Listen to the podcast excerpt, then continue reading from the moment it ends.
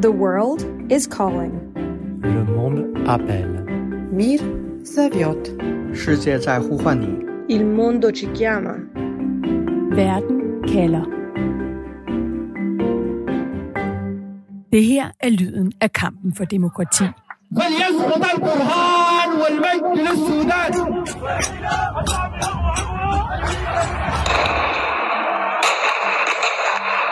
mens vi i Danmark fredeligt kan vælge vores politikere, så er historien en anden i det afrikanske land Sudan. Her risikerer borgere, der lige nu går på gaden og kræver demokrati, at blive dræbt af generalernes skudsalver. Som den 13-årige Rimas Hatim al-Atta, der blev skudt og dræbt, da hun stod uden for sit hus under en af protesterne. Og Sudan er langt fra det eneste afrikanske land, hvor generalerne i øjeblikket tager magten. Siden august sidste år har der været fem militære kup i afrikanske lande syd for Sahara. Så er demokratiet ved at spille falit i Afrika? Betyder det ufred for millioner af mennesker og risiko for store flygtningestrømme mod Europa? Og hvorfor tager generalerne magten i Afrika netop nu?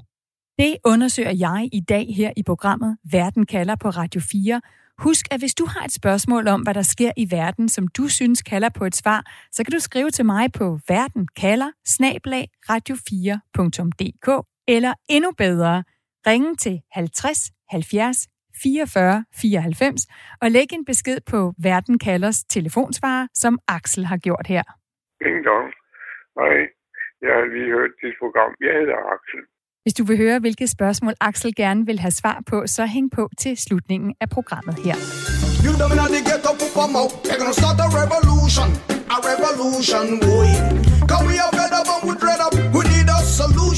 i løbet af den næste time stiller jeg altså spørgsmålet, hvorfor tager generalerne magten i Afrika netop nu? Blandt andet til den her afrikanske læge, som selv er blevet fængslet og tortureret for at trodse en diktator, men som siger, at det vil lykkes at vælte de generaler, der går imod folket. This generation stand out and take them down. Og du skal høre fra en dansk forsker, som peger på, at der også er generaler i Afrika, der lige nu bliver hyldet af folket for at have kuppet sig til magten, og at den afrikanske kamp for fremskridt ikke altid kan koges ned til en kamp mellem demokrati og diktatur. De her militærledere bliver set som nogen, der vil skabe forandringer hen i en positiv retning og rent faktisk vil demokratiet. Velkommen til Verden kalder. Jeg hedder Stine Krohmann Dragsted.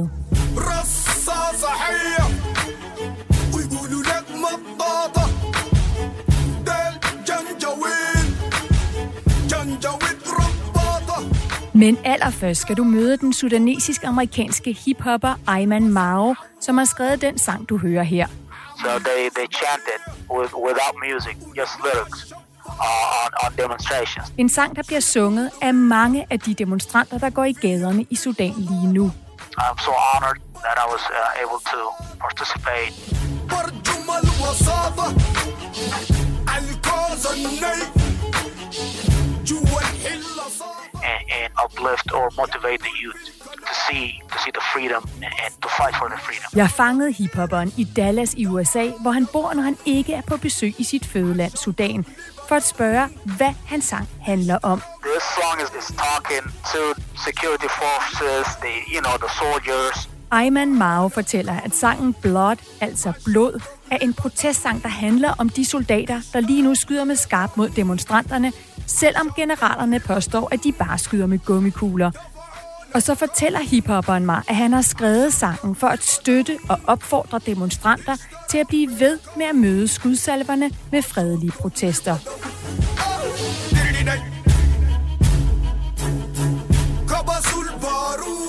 Vi vender tilbage til hiphopperen Ayman Mao, og hvorfor han tror, at generaler kan blive væltet ved hjælp af protestsange og fredelige demonstrationer i slutningen af programmet. Du lytter til Verden kalder på Radio 4.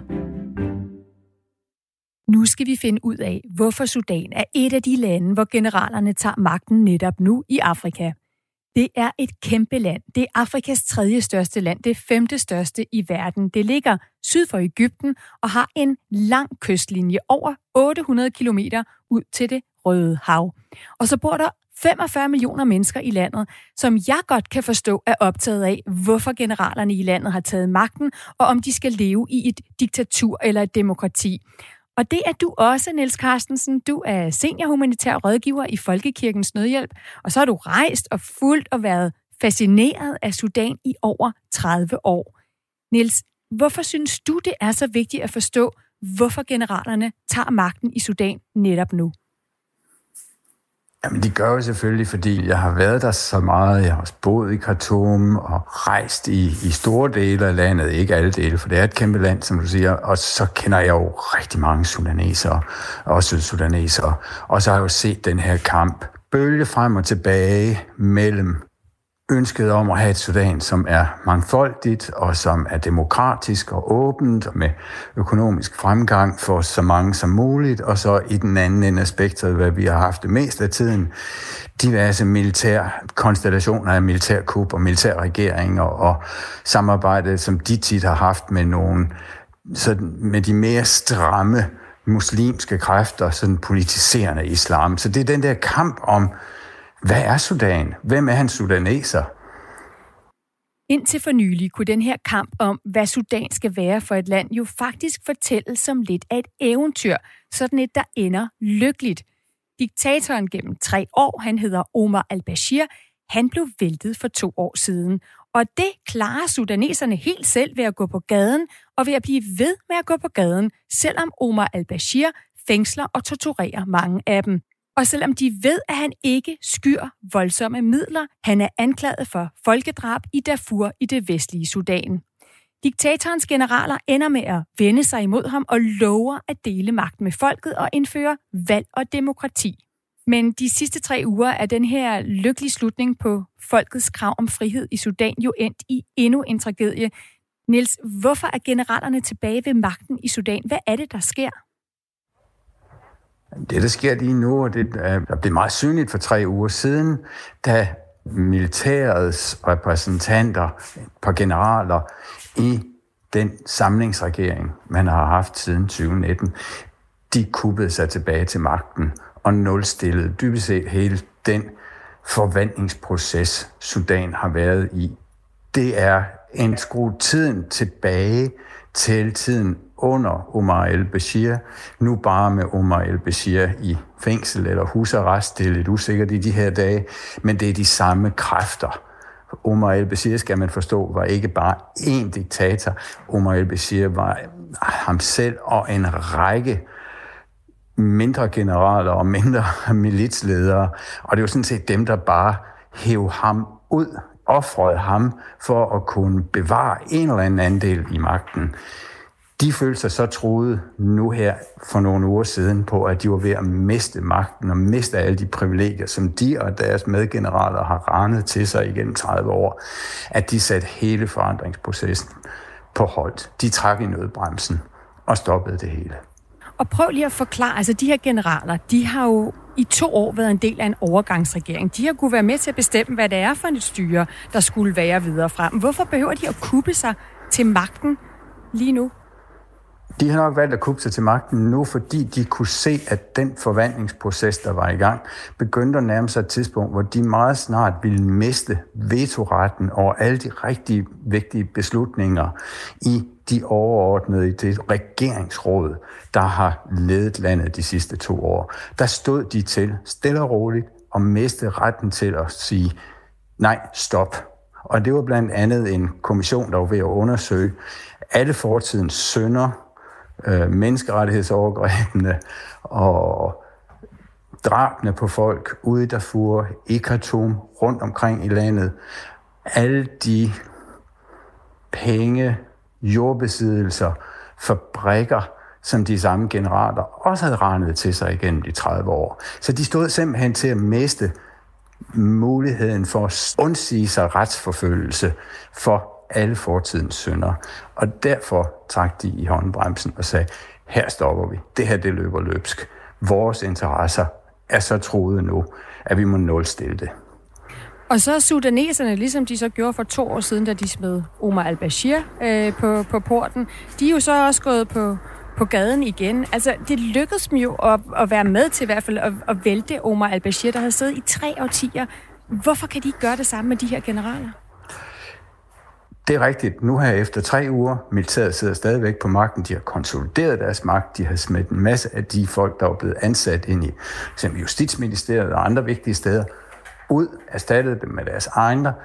Men vi er kun tre uger inde i det her, og det er, det er meget tidligt, at, og det er alt for tidligt at sige, hvor den egentlig kommer til at lande. Så det tog altså otte måneder, sidst der var et folkeligt oprør i Sudan, at nå til det punkt, hvor militæret gav sig og gav en, en, en civil ledelse en, en smule af magten i landet. Altså, så lige nu står vi Hvad på ved sådan en skillevej, hvor at Sudan stadigvæk kan gå ned af en vej, hvor vejskillet hedder demokrati, og en, hvor det hedder fortsat uh, diktatur. Og, og det, du siger, er, lige nu ved vi faktisk ikke, hvilken vej uh, landet Sudan øh, går ned af. Nej, jeg vil i hvert fald ikke gøre mig til spormand over det på det her tidspunkt. Også fordi der er et internet blackout, altså internettet er lukket ned. Så i den situation med så sparsomme oplysninger fra landet, er det svært at vurdere, hvor stærk er den folkelige modstand. Der er ingen tvivl om, at de aktivister, fagforeninger, politiske strukturer, som ønsker et demokratisk og et mere frit og et mere mangfoldigt Sudan, har forberedt sig på det her. De vidste godt, det ville komme på et eller andet tidspunkt.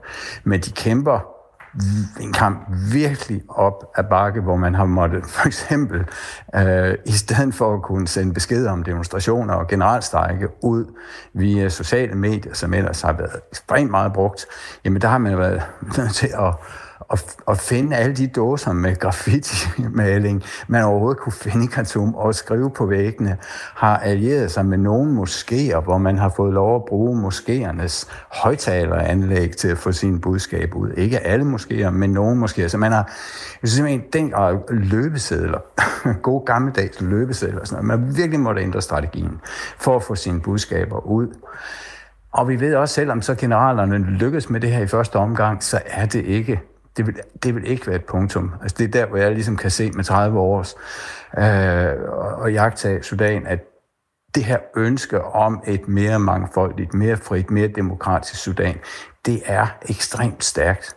Man troede jo, det var forsvundet. Jeg troede, det, det var delvist forsvundet i løbet af Bashirs regime, fordi det var så brutalt, og det var så hårdt.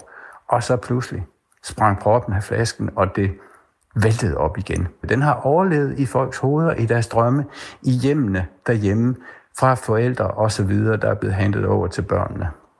Så drømmen er der stadigvæk. Og lyden af den drøm øh, for to år siden, den lød i høj grad sådan her.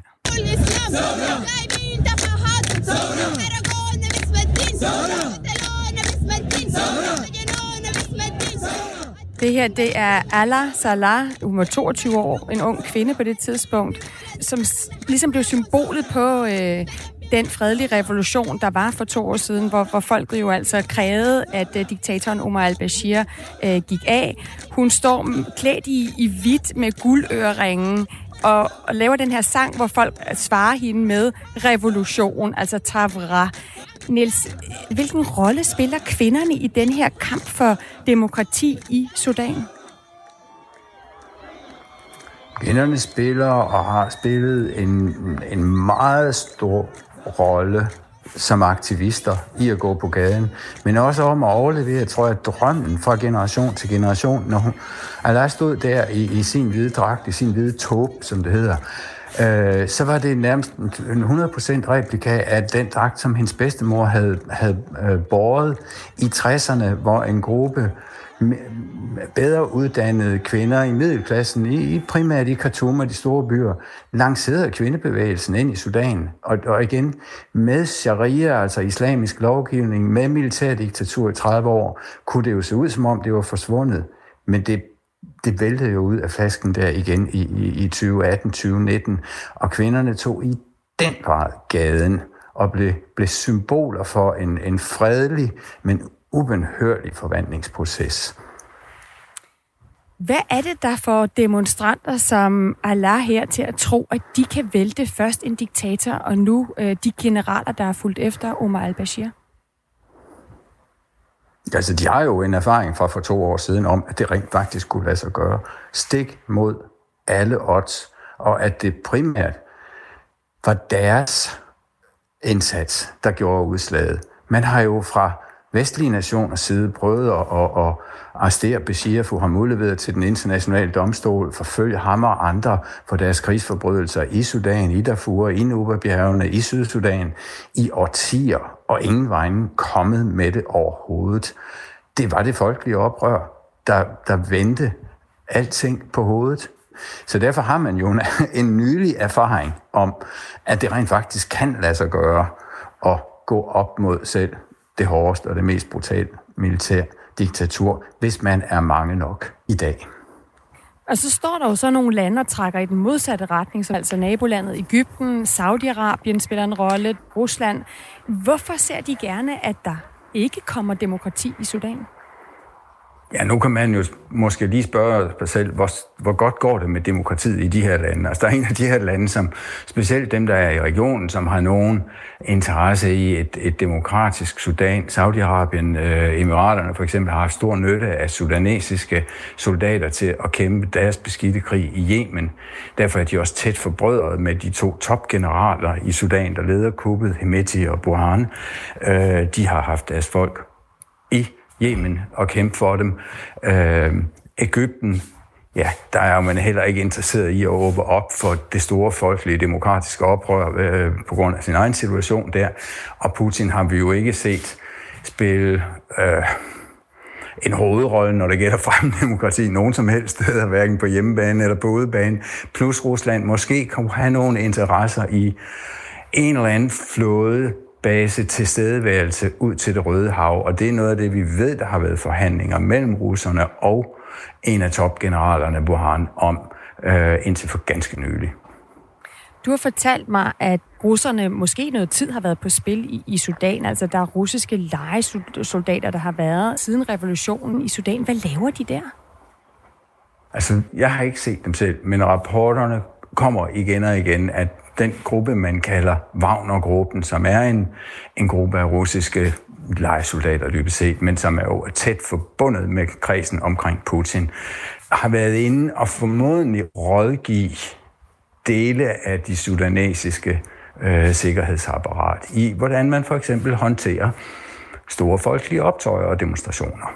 Så jeg tror, det er den rolle. Altså, mig bekendt er de ikke øh, aktive direkte, men har nok spillet en rolle som rådgiver. Men det er vedholdende, skal vi sige, vedholdende forlydender, som stadigvæk kræver at, at, at, at blive bekræftet 100%. Men at der har været et tættere og tættere relation mellem topgeneralerne og Rusland i de her to år, det er, det er klart. Der har været besøg fra begge sider, der har været forhandlinger om våbenleverancer og sådan noget. Ingen tvivl om, at Rusland har set øh, Sudan som en mulighed for at få endnu et fodfæste. Og måske, som vi jo har set andre steder, øh, være lidt af en spoiler, altså skabe en, være med til at skabe en situation i Sudan, hvor tingene spænder ud af kontrol, og hvor vestlige interesser bliver troet.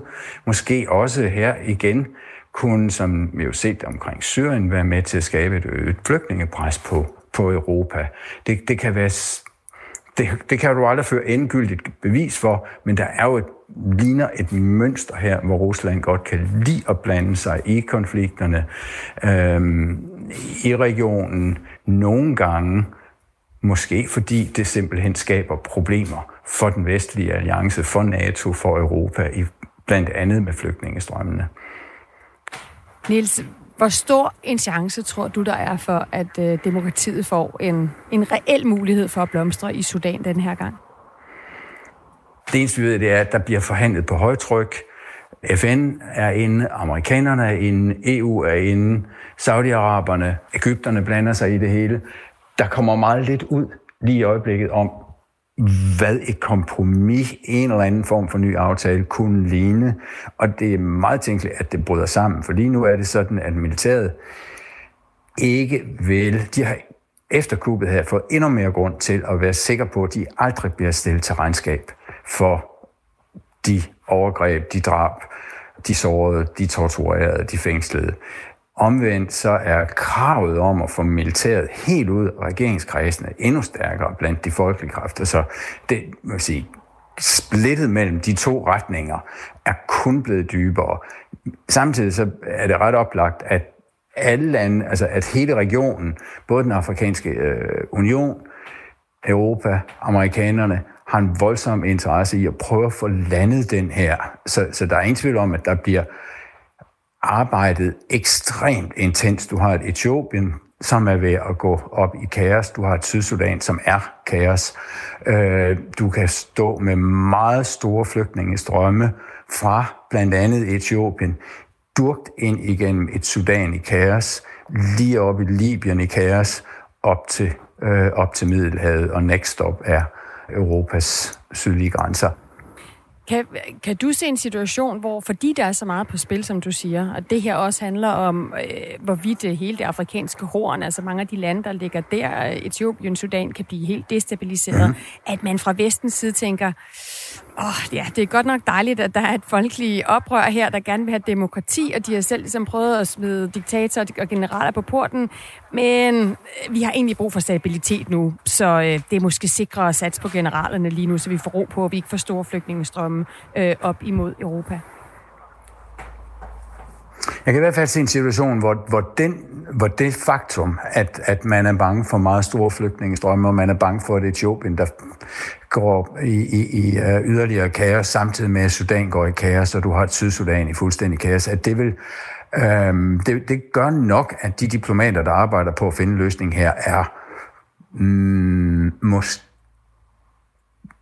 vil gå længere i forhold til at give generalerne mere medvind, end hvad de folkelige kræfter i hvert fald øh, ønsker overhovedet. Så det vil sige, hele situationen skubber i den forstand lidt i generalernes favør. Stabilitet og stoppe flygtningestrømmen har jo vist sig igen og igen ved uden den udenrigspolitiske øh, sige, øh, ønske nummer et ret beset, uden skyldig hensyn til, hvad der nu egentlig er godt for det pågældende land eller ej.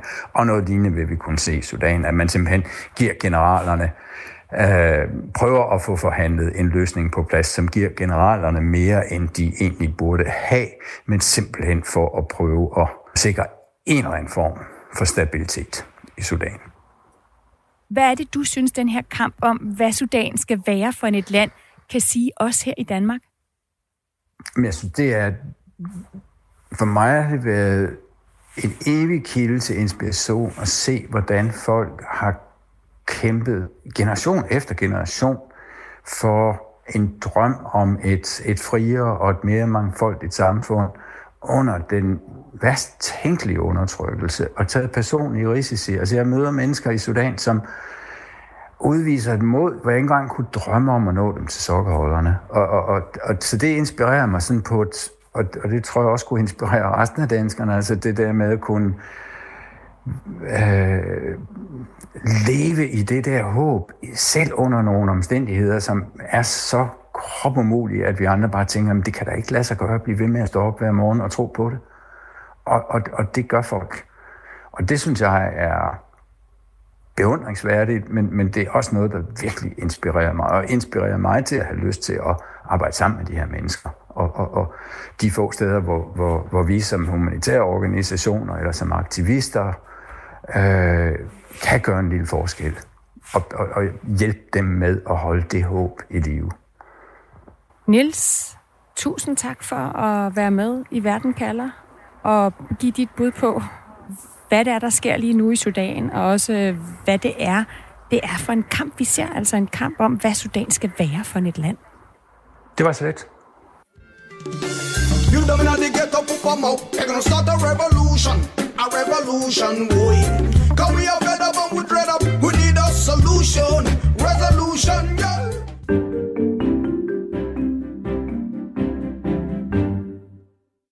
Du lytter til Verden kalder på Radio 4. Jeg hedder Stine Krohmann Dragsted, og her i programmet er jeg i dag på jagt efter et svar på, hvorfor der har været hele fem militærkup i Afrika det sidste år. Altså, Hvorfor tager generalerne magten i Afrika igen netop nu? For eksempel i Sudan, hvor et statskup for cirka 3,5 uge siden satte en forløbig stopper for en overgang til demokrati, som generalerne ellers havde lovet. Fordi, som vi lige hørte Niels Carstensen fortælle, Generalerne følte sig troet af en civil regering, der ikke alene kan sætte en stopper for alle de penge og privilegier, generalerne har skaffet sig adgang til, men også kan udlevere dem til en international domstol for de forbrydelser, de er beskyldt for at begå, blandt andet folkedrab. Og selvom det kan lyde håbløst, når vi sidder her i Danmark og hører om generaler, der skyder på demonstranter, der går på gaden og kræver deres afgang, for eksempel den 13-årige pige Rimas, der blev skudt og dræbt i lørdags, så siger Niels Carstensen, at vi tværtimod kan finde håb og inspiration ved at lytte til de sudanesere, der lige nu udviser et kæmpe mod i kampen for deres frihed. Du lytter til Verden kalder på Radio 4. Så inden vi vender os imod nogle af de andre afrikanske lande, som oplever militærkup lige nu, for at finde ud af, om der er fællestræk, der forklarer, hvorfor generalerne griber til magten så mange steder i Afrika, så skal vi et smut til den anden side af jorden for at møde en sudanesisk læge, som forsøger at forhindre generalerne i Sudan i at lade mørket sænke sig over, hvad der foregår i landet netop nu, ved at lukke for internettet og fængsle journalister. They take the internet down. Even since two days ago, they keep stopping people and just searching their phone. Lægen Mahmoud Al-Wali her er talsmand for de sudanesiske lægers faglige organisation. Um, I'm Dr. Mahmoud Alwali. I'm spokesman of um, Central Committee of Doctors of Sudan.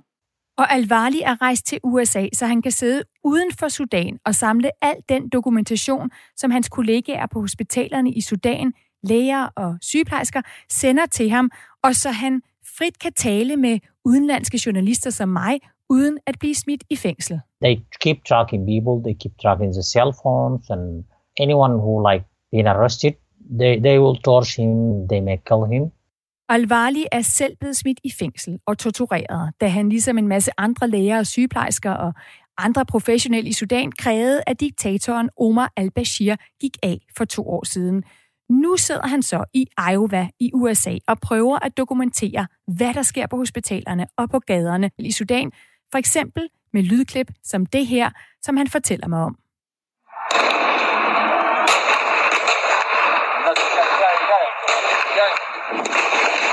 So, Dr. Alvali, can you tell me what I'm hearing here? Yes, actually, this is um, the background sound is gunfire. The people using like uh, gunfire. Um, demonstrator chanting and running, uh, just trying to save their lives. Det, du kan høre i baggrunden, er skudsalver, og så kan du høre demonstranter råbe løb. Det er, hvad der sker lige nu i Sudan. Mange bliver såret, og nogle mister livet. Selv helt unge mennesker, som den 13-årige pige Rimas, fortæller altså Dr. Alvali. Many people lost their lives, uh, even include minors, uh, 13 years old um, girl. Her name is Rimaz. And why would soldiers kill a young girl, for instance, like like this? Why is she a threat to the military? Uh, that's exactly what we asking ourselves. Hvorfor soldaterne skyder på børn og andre på gaden, det spørger vi også os selv om. Jeg tror, de ser folkets stemme som en trussel. I think I think they've been kind of threatened by the people's voice.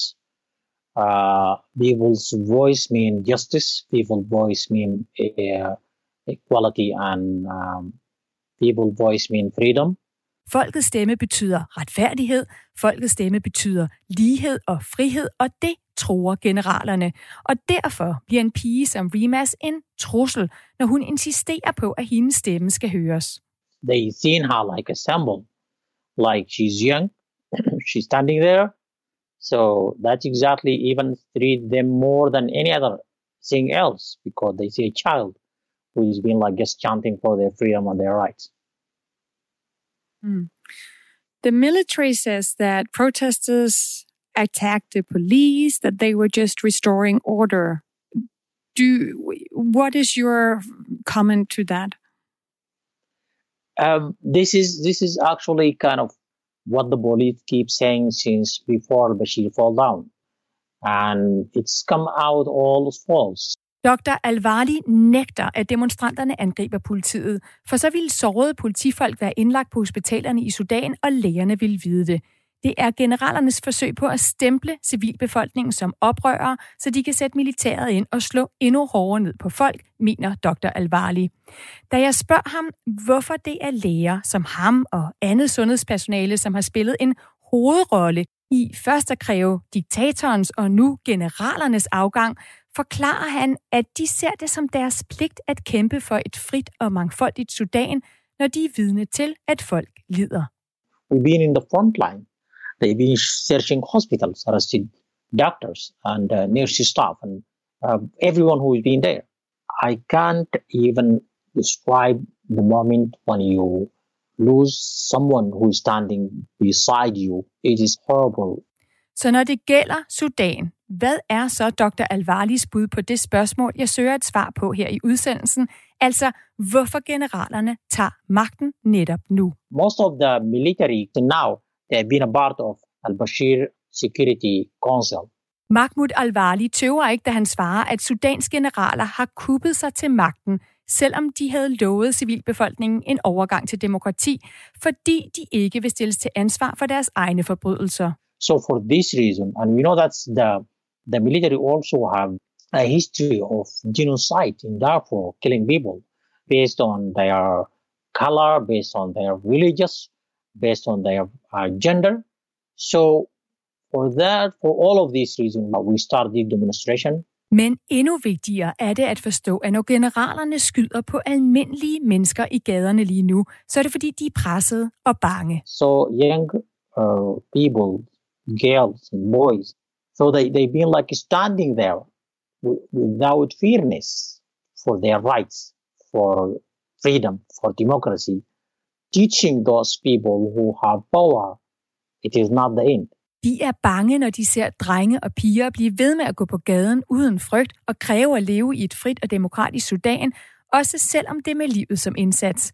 For ifølge dr. Alvarli er det, som disse unge mennesker siger, det her er ikke inden for Sudan. We will restore this country again. We will live in peace uh, without any discrimination against race, religious or gender. Du lytter til Verden kalder på Radio 4. Statskuppet i Sudan er det seneste eksempel på, at generalerne er tilbage i afrikansk politik. Siden august sidste år har der været hele fem militærkup i Afrika. Udover Sudan, så har vi vestafrikanske lande, hvor Guinea oplevede et kup i september i år, landet Chad, som også ligger i Vestafrika, oplevede et kup i april i år, og længere op nordpå i Mali, der har der været hele to kup det sidste år. Og så har vi endnu ikke talt om borgerkrigen i Etiopien, altså nabolandet til Sudan, hvor magtkampen mellem Etiopiens premierminister og en politisk løsrivelsesbevægelse er ved at splitte landet ad. Så har demokratiet i stigende grad spillet for lidt over hele Afrika lige nu. Det spørgsmål, det kunne jeg rigtig godt tænke mig at stille til dig, Stig Jensen. Du er lektor ved Center for Afrikastudier på Københavns Universitet. Tak for at være med i Verden kalder. Tak, fordi jeg må være med. Altså, Stig, hvorfor stiger antallet af militærkup i Afrika netop nu? Er der en fælles forklaring på det? Ja, det synes jeg faktisk, der er. Øh, og den fælles forklaring er på den ene side, at der er stærkere og større folkelige bevægelser i de afrikanske lande, som er utilfredse med den ledelse, der er af landene, end der har været tidligere. Så på den ene side, så er der et enormt folkeligt pres øh, på det, man kan kalde den politiske ledelse. På den anden side, så er der faktisk også et militær, som i voksende omfang faktisk også er utilfredse med den såkaldte politiske ledelse, som de ofte er en del af, men hvor de faktisk føler, at de bliver nødt til at lave kup.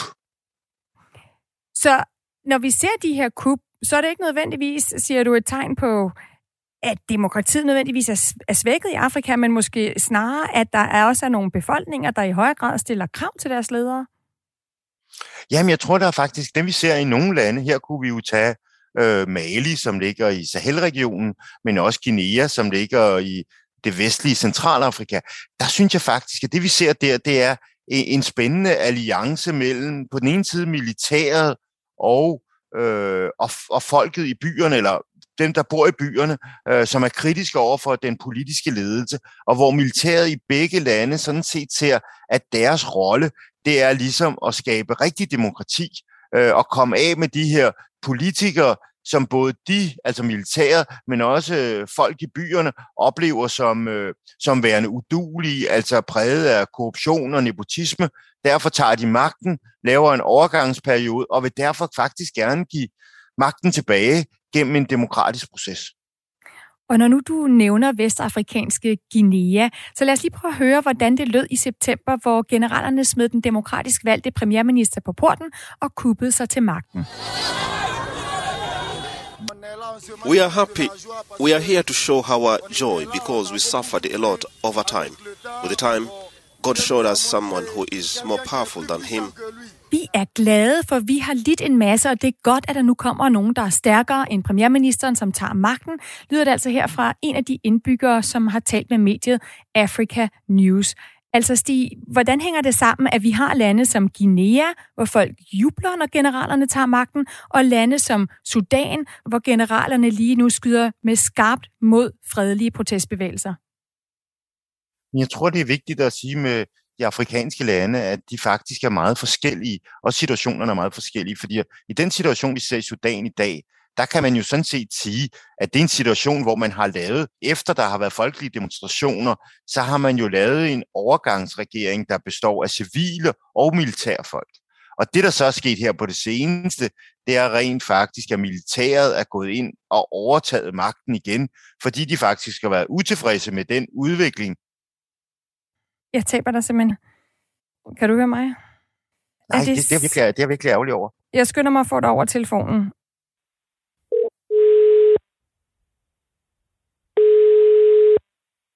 Så er du der igen. Ja, perfekt. Jeg håber, det er okay. Det er bedre, at der ikke er udfald. Stig, hvad er det for nogle udfordringer, de lande står med, som gør, at generalerne øh, tager magten? Jamen, det har jo mange udfordringer. Og den nemme løsning, den, det er jo ligesom det der med at sige, jamen, det er også fordi, de har dårlige ledere. Øh, og, øh, og, og det, er jo, det er jo det, vi ofte har sagt og sådan noget lignende. Men jeg vil faktisk også sige, at en af de allerstørste problemer er faktisk, at det er svært at lave god ledelse. Forstået på den måde, at de her lande, vi snakker om her, øh, Mali, øh, Guinea, Sudan, vi kunne også nævne Burkina Faso, øh, vi kunne også nævne Niger. Øh, det er alle sammen lande, hvor jeg ser, at øh, der er så store udfordringer, så det er meget, meget vanskeligt for de politiske ledelser faktisk at skabe forandringer, øh, som, som folket ser som forbedringer i deres liv. Ikke? Det vil sige, at de lever i, folk lever her i ekstrem fattigdom, med, med kæmpe, kæmpe udfordringer i forhold til at skabe et bedre liv. Så, og det er måske den allerstørste udfordring. Lige meget hvem der sidder ved ledelsen, det er, man kan simpelthen ikke imødekomme folkets ønsker på den korte bane. Så skal vi på, passe på at komme fra Vesten og, og sige, altså demokrati, det er altid vejen frem.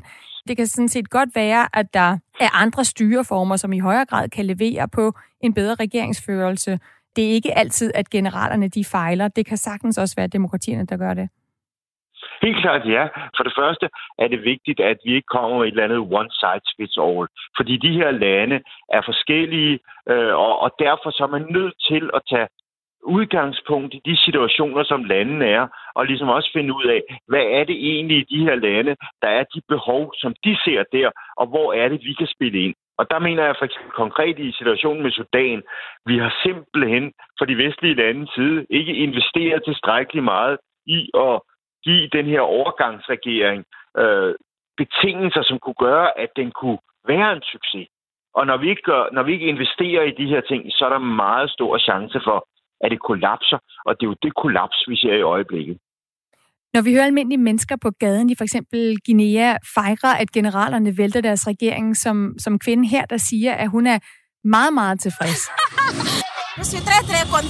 I am very, very happy. We went out for the joy. We are very happy with what we saw. Vi er meget glade for det, der er sket. Altså betyder det så, at der er nogle af de her kup, som vi ikke bør bremse? Det synes jeg helt sikkert. Men jeg synes også, at vi skal være opmærksom på, som der netop blev sagt i det der indslag, at det er jo forringet levevilkår. øh, primært for folk, i byerne, der gør, at de går ud og demonstrerer. Det er den ene del af det. Og den anden del, det er faktisk, i Guinea situation så var der jo sådan set et, et demokrati, som blev meget, meget mere autoritært under, undervejs, og det nylige valg blev set af store dele af befolkningen, i hvert fald i byerne, som manipuleret. Så det er jo de her faktorer, der spiller ind i det her. Så derfor vil jeg sådan set sige, på trods af, at den afrikanske union, øh, Vesten med EU og USA i spidsen kritiserer militærlederne her, så mener jeg sådan set, at de her militærledere bliver set, som vi også hører i indslaget, som befrier, men som også nogen, der vil skabe forandringer hen i en positiv retning og rent faktisk vil demokratiet. Og det kommer jo så an på øh, en prøve, om nogle af de her generaler, der lige nu vinder frem i Afrika, faktisk vil demokratiet. Men Stig, hvad hvis nu generalerne i stedet for at levere på demokrati, skaber en form for stabilitet? Altså er vi nået dertil, hvor vi nogle gange må vægte stabilitet over demokrati i landet, hvor der, som du siger, simpelthen er e-, ekstremt svært overhovedet at lede? Jeg tror, at det vi skal gøre, når vi snakker om øh, politisk ledelse, det er jo ligesom, at vi skal jo se det her som sådan en udvikling, der går over tid. Øh, og derfor er det virkelig, virkelig vanskeligt for mig at sige, og hvor vil, øh, hvorvidt det skal være et demokrati eller ikke være et demokrati, fordi det er jo i høj grad de folk i landet, der skal prøve at finde ud af, hvilken styreform for dem er mest optimal. Det vi bare må erkende, det er i en række steder i Afrika, hvor de har noget, vi vil kalde demokrati, så har demokratiske processer virket destabiliserende og skabt konflikter i landene. Så, så hvor står vi i Vesten i forhold til det her med, at der er generaler, der tager magten af den ene eller den anden grund, og nogle gange skaber større stabilitet? Altså, man kan, jo, man kan jo sige, at vi har jo ofte i Vesten talt med to tunger. På den ene side, så har vi jo talt fra, for demokrati som værende vejen frem øh, i øh, hele verden, og specifikt i Afrika. Men på den anden side, så har vi jo været stærkt tilfredse med autoritære styre, fordi de jo i vid udstrækning i forhold til migrationsproblemstillinger rent faktisk har leveret, eller vi har på en eller anden måde kunne lave aftaler om, og at de har leveret. Her vil jeg gerne illustrere det med, med, med lande som Marokko, øh, jeg vil sige øh, også Libyen under Gaddafi, øh, og også Ægypten. Ikke? Og, og, og der kan man jo netop sige, at øh, når de leverer på, på en parameter som migration, så er det faktisk noget, som for os i Europa, når alt kommer til alt, nok er vigtigere end demokrati. Ja, man kan vel også nævne Rwanda som et eksempel, som Danmark gerne vil samarbejde med nu, men som jo heller ikke er særligt demokratisk øh, et land, men hvor der er stabilitet, og vi egentlig godt kunne tænke os måske endda at sende nogle asylansøgere ned jeg synes, Rwanda er et, øh, er et glimrende eksempel på, på et autoritært styre, som vi jo faktisk rigtig gerne vil, vil lave samarbejde med, fordi det er jo ofte sådan med autoritære styre, at der er det relativt nemt at lave, lave samarbejde, fordi at her går man jo nærmest ind og laver kontrakter omkring specifikke opgaver, fordi netop, at staten er meget, meget stærk. Mm. I sidste ende Øh, risikerer vi så alligevel ikke, hvis vi, hvis vi ikke råber op, når der er nogle af de her militærkup, også selvom nogle af dem har folkelig opbakning, i hvert fald i starten, at stå i en situation, hvor de her kup kan afle flere kup. Altså, jeg tænker på, det er jo svært, det kan i hvert fald være svært for civile at protestere. Øh, der er lande som øh, Benin og, og Togo, hvor man godt kunne sige, at det er en mere voldelig militær vej, der er den eneste mulige vej, hvis man ligesom skal vælte den stærke mand af, af magten. Altså kan vi risikere at stå i en situation, hvor de her kup afler flere kup? Det er vi helt sikkert, og, og det, det ser jeg sådan set også ind i, at vi gør. Og, og der vil jeg vende tilbage til, at det der jo er den store udfordring for ledelser i rigtig mange afrikanske lande, det er simpelthen, at de ikke er i stand til at skabe positive forandringer på den korte bane. Det vil sige, så ser man mere utilfredshed. Og det, der er den store udfordring i Afrika også, er, at vi har voksne bybefolkninger, og vi har voksne andel af unge, som er meget aktivistiske og gerne vil ud og, og, og tage et ansvar for den her udvikling her hen i en retning væk fra det, de ser i øjeblikket. Så derfor ser jeg sådan set øh, ikke kun kub øh, som nogen, der vil vokse og blive flere og flere af, men faktisk også øh, mange flere demonstrationer øh, i de store byer i mange afrikanske lande. Og lige til sidst, Stig, er det noget, vi på nogen måde kan gøre noget ved, eller, eller hjælpe til, eller er det bedre, at vi simpelthen holder nallerne væk? Ja, det er jo i høj grad noget, vi kan gøre noget ved. Øh, man kan sige, at det her med, når lande bliver destabiliseret, er jo, er jo dybt kritisk også for de nabolande, der er relativt stabile. Så det, der er meget, meget vigtigt, er jo for det første, at at vi går ind i de lande, som er relativt stabile, og prøver at støtte dem til at blive endnu mere stabile. Og her kunne man blandt andet sige, at der er det vigtigt at investere i noget omkring arbejdspladser. Det kunne være at udlægge nogle industrier eller købe nogle produkter, øh, som er forarbejdet i de her lande her, øh, støtte med landbrugsudvikling. Men det er også vigtigt at gå ind i de stater, som er på vej til på en eller anden måde at blive sammenbrudte stater og undgå, at de kommer i den her sammenbrudte situation, hvor, hvor vi jo ofte ser for det første store udfordringer for folk i forhold til at overleve, men også migrationsstrømme, som ofte rammer nabolandene meget, meget hårdt. Så vi spiller stadigvæk en rolle? Vi spiller stadigvæk en rolle, og hvis vi ikke vil spille en rolle, jamen så er der bare andre aktører, der kommer ind på, på banen, og de har måske ikke nødvendigvis de samme dagsordner til os som os. Og her tænker jeg jo primært, at vi ser en øget indflydelse på det afrikanske kontinent, for, fra Kina, for en række lande i Mellemøsten, øh, som, som spiller ind her øh, med nogle helt, helt andre dagsordner, end vi har, og som i den grad også kan være med til på den lidt længere bane at destabilisere en række af de her nationer. Stig Jensen, tusind tak for at være med i Verden kalder og give øh, det her perspektiv på, hvad det egentlig er, der sker i forhold til øh, generalerne, der tager magten i Afrika. Velkommen. Du lytter til Verden kalder på Radio 4.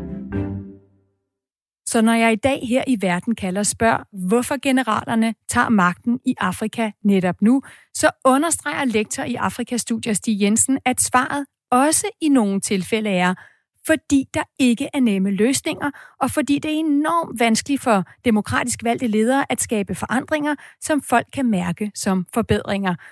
For mens generalerne i Sudan forsøger at dolke demokratiet i ryggen for at redde deres eget skin, så er der også generaler, der bliver set som befriere og som ledere, der faktisk vil demokratiet.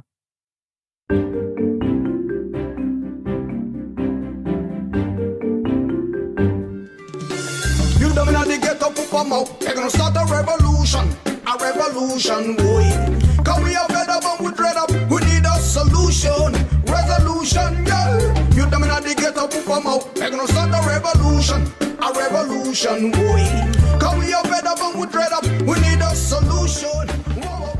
Lad os slutte i Dallas i Texas hos den sudanesisk-amerikanske hiphopper Ayman Mao, som vi hørte i begyndelsen af programmet. Det er ham, der her synger om den fredelige revolution, han stadig tror på.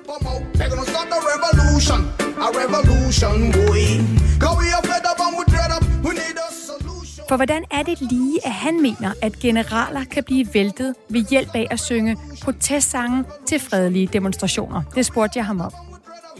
How can you topple generals with protest songs and peaceful demonstrations? It's uh, as simple as keeping the pressure on the oppressor. Ayman tror altså, at det nytter, bare man bliver ved med at gå på gaden og kræve, at generalerne går af.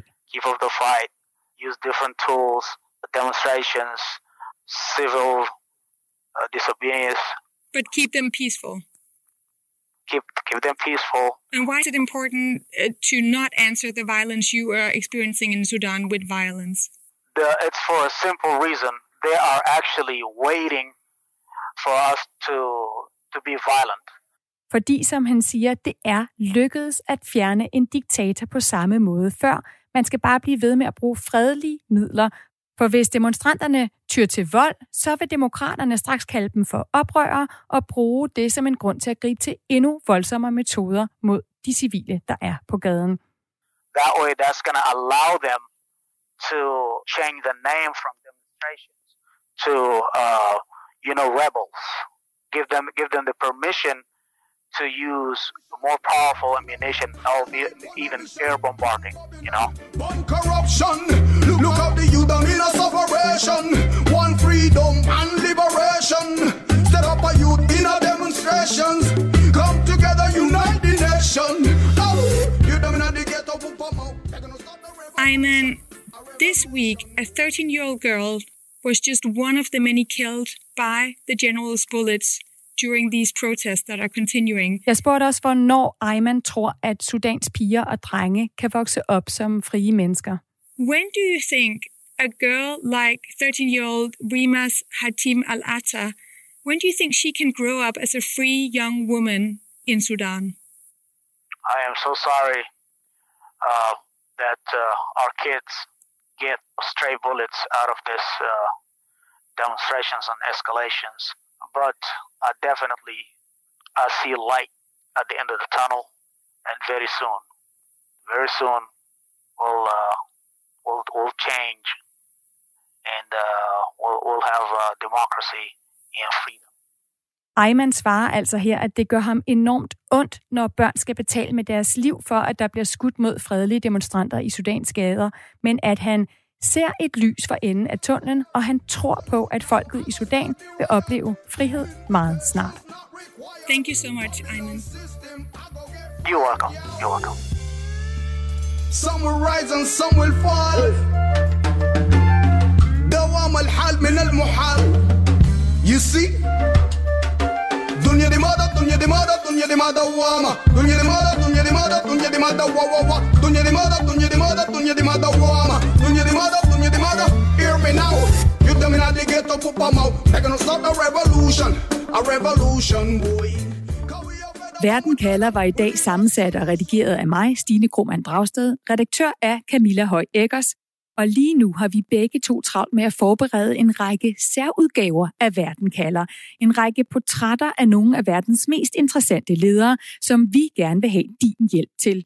Hvilke spørgsmål vil du gerne have svar på, hvis vi skal ind under huden på verdensledere som Xi Jinping, Joe Biden, Boris Johnson, Recep Tayyip Erdogan, Vladimir Putin eller Jacinda Ardern? Og hvilken magthaver kunne du godt tænke dig, at vi grænsker og prøver at lære bedre at kende som menneske? Ring og giv dit bud på Verden kalders telefonsvarer. Det er 50 70 44 94, som du ringer på. Du kan også skrive til mig på verdenkalder radio4.dk. Her er nogle eksempler på spørgsmål, jeg for eksempel gerne vil have svar på. Hvorfor var Xi Jinping for eksempel allerede som ung dreng overbevist om, at han skulle forandre Kina? Hvordan præger det præsident Joe Biden, at han vinder magten i USA på et tidspunkt, hvor han selv føler sig som en slagen og gammel mand? Og hvad står Storbritanniens Boris Johnson egentlig for bag sin pjuskede hårpragt? Og tak til alle jer, der allerede har skrevet med gode idéer og spørgsmål, som hvorfor Pablo som hvorfor Pablo Escobars flodheste haver i Colombia, og hvorfor udlandsdanskere ikke må få lov til at stemme i Danmark, eller Axel her, der har ringet ind på vores telefonsvarer 50 70 44 94, fordi han er nysgerrig på, om spioner man kan finde på i stigende grad at bruge kortbølgeradio i stedet for internettet. Jeg som gammel medie- og teknisk interesseret er, er, er meget spændt på, om hele det væld af internationale propagandistudsendelser og styring af spioner, som foregår via kortbølge blandt andet, om det åbner igen, eller om internettet har taget over. Vi høres ved næste lørdag klokken 3. Og husk, at Verden kalder også findes som podcast, så du kan lytte til det lige når du har lyst ved at søge på Verden kalder og på Radio 4, der hvor du finder din podcast. Giv ved med din udsendelse, hvis du er lige så grundig som i dag. Tak skal vi have. Hej hej.